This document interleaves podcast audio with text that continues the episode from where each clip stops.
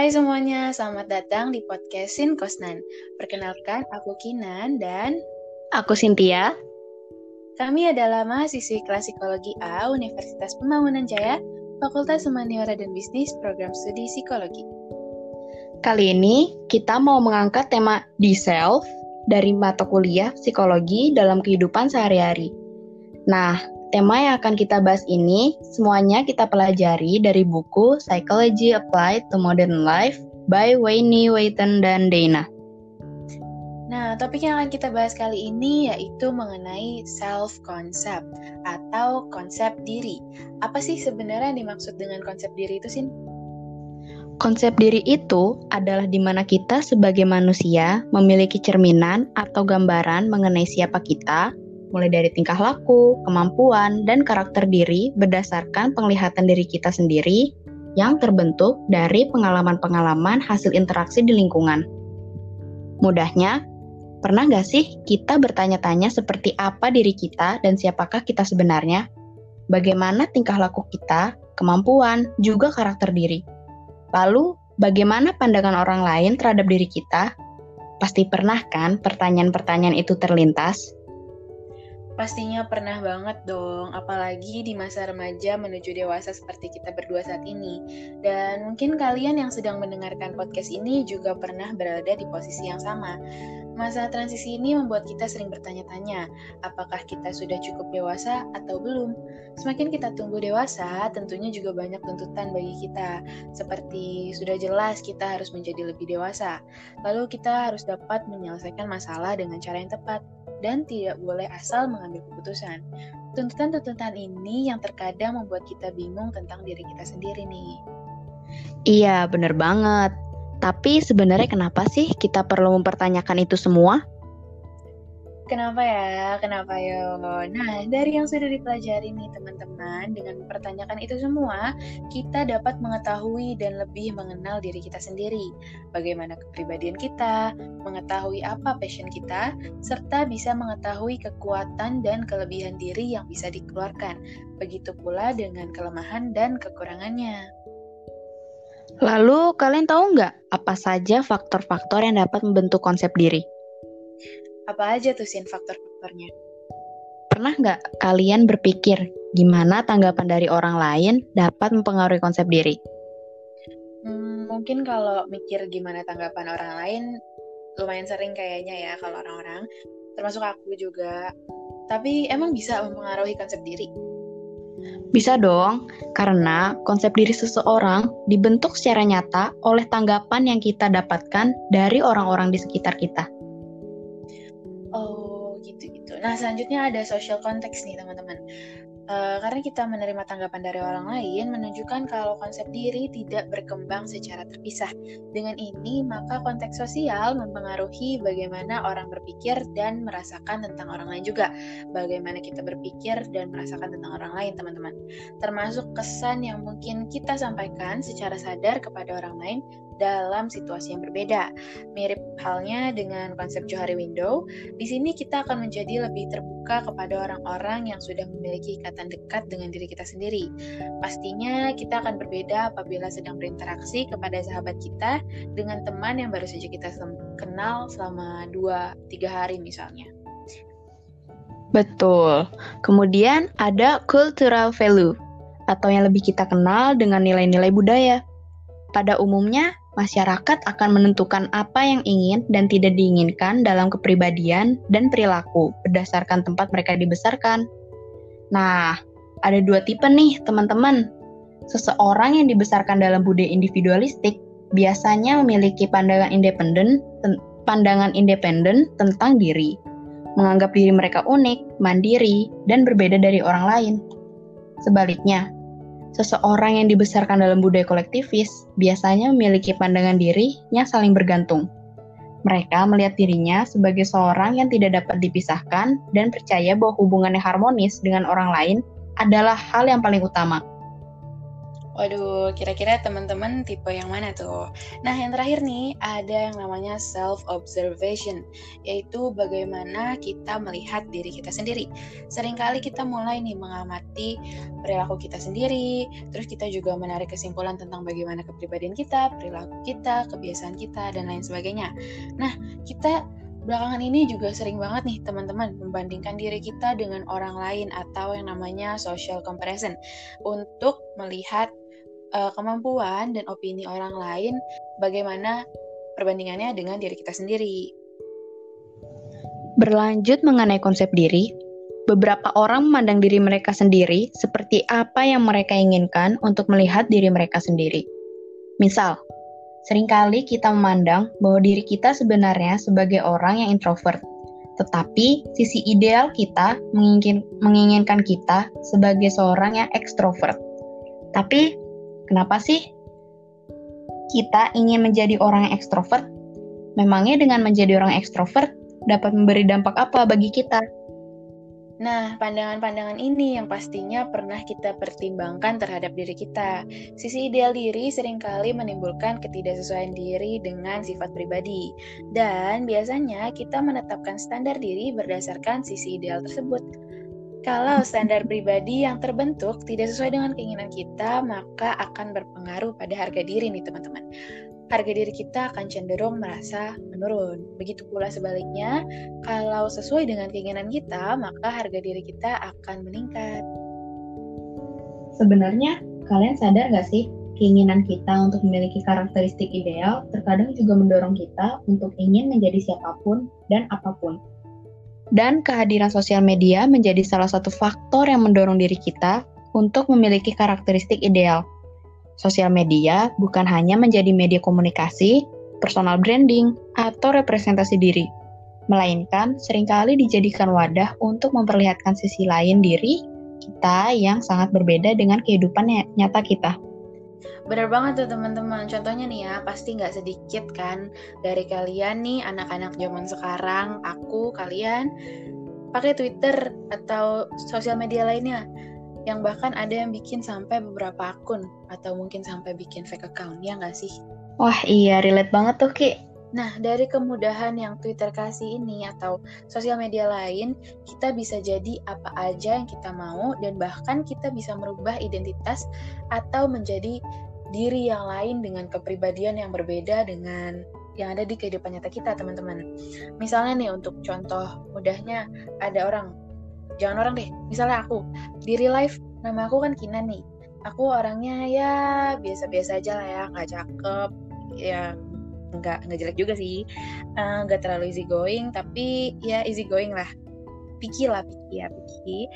Dan kadang merasa kaku tapi nggak kaku kayak kanebo kering gitu nggak. Nah aku pengen nih jadi diri aku yang lain di account Twitter yang aku bikin ini yang jauh berbeda dari kehidupan nyata aku gimana. Nah, aku menamai diri aku ini misalnya sebagai Clarissa yang kepribadiannya lebih easygoing, lebih humble, lebih lebih bisa bersosialisasi, berteman dengan banyak orang. Nah, orang-orang pas orang-orang di Twitter ini pasti akan memandang aku sebagai Clarissa dong kan? Dari sana bisa timbul gambaran dan ekspektasi-ekspektasi orang lain terhadap diri aku as Clarissa, bukan sebagai aku Kinan. Tapi teman-teman sayangnya dalam kehidupan kita ini, kondisi kita kan nggak selamanya baik-baik aja ya kan? Bener gak sih? Iya, bener banget Kinan. Nah, ada saatnya kita merasa, merasa capek, merasa lelah, bahkan sampai anxiety mungkin. Nah, ketika merasakan hal-hal itu nih ya, si Clarissa ini atau aku ini aku nggak bisa menjadi sosok Larissa ini dan aku nggak bisa memenuhi ekspektasi warga Twitter karena karena apa yang ada di dalam diri aku jauh berbeda dengan kepribadiannya si Clarissa. Tapi kadang ada beberapa orang yang gak peduli dengan bagaimana keadaan kita, atau malah kitanya sendiri yang merahasiakan agar orang-orang lain gak tahu. Nah, hal ini termasuk ketidaksesuaian diri yang nantinya bisa menyebabkan diri kita tertekan dan stres. Sering juga nih, pasti banyak banget dari diri kita yang terkadang ngerasa insecure setelah terjun ke dunia sosial media. Dan muncul rasa di dalam diri kita untuk bisa menjadi seperti mereka yang kita anggap sangat istimewa. Nah, bener banget tuh, insecure yang lagi hits-hitsnya, yang lagi banyak nih katanya ngerasa insecure. Ya kan? Padahal belum tentu apa yang kita pikirkan mengenai mereka itu sesuai di kehidupan nyatanya. Mungkin saja mereka akan menaruh image sebagai seorang yang sangat periang, berkehidupan mewah, atau bahkan memiliki koneksi yang luas. Tapi, di balik itu semua, mungkin saja mereka justru memiliki kehidupan yang bertolak belakang membanding-bandingkan diri kita hanya akan membuat diri kita semakin terpuruk. Hanya dengan berlandaskan bahwa kita ingin memiliki kehidupan yang sama dengan mereka, tidak akan berdampak baik nantinya. Ketidaksesuaian antara diri sendiri yang apa adanya dengan diri ideal yang hanya berupa keinginan belaka akan menyebabkan kita rentan pada rasa frustasi dan kekecewaan nantinya. Nah, sosial media ini jadi salah satu faktor dari ketidaksesuaian diri kita nih teman-teman. Lalu akibat yang ditimbulkan tuh yaitu tadi perasaan tertekan, kecewa, frustasi, dan stres. Nah, kalau perasaan-perasaan ini terjadi secara terus-menerus, secara berkelanjutan, maka dampak terparah yang ditimbulkan bisa sampai ke tahap depresi, teman-teman. Mana ada sih orang yang mau depresi? Depresi banget nggak tuh? Sakit jiwa. Nanti masuk rumah sakit jiwa. Mana ada yang mau? Ya nggak sih? Tapi sebenarnya ada cara yang bisa menghindarkan atau paling tidak meminimalisir lah ya dampak yang dapat ditimbulkan itu teman-teman, yaitu dengan self awareness dan self love. Pasti udah pada tahu dong kurang lebihnya itu apa. Self awareness adalah sejauh mana kita sadar dan mengenal diri kita sendiri. Iyalah ya, udah ketahuan banget dari namanya self awareness, kesadaran diri. Dan self love adalah mencintai diri sendiri teman-teman.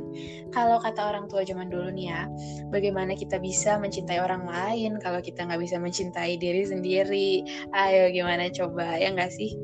Makanya itu penting banget. Ayo, gimana tuh? Nah di sini kita akan menjelaskan sedikit mengenai keduanya. Self awareness dan self love bisa menjadi pengontrol untuk diri kita sendiri. Kita menjadi bisa sadar dan paham akan mana saja yang baik buruk, ataupun mana yang sudah tidak wajar lagi. Dengan ini, maka kita tidak akan terlena atau terbawa arus. Ombak kali ah terbawa arus. nah, gimana sih Ki cara menerapkan atau meningkatkan si self awareness ini?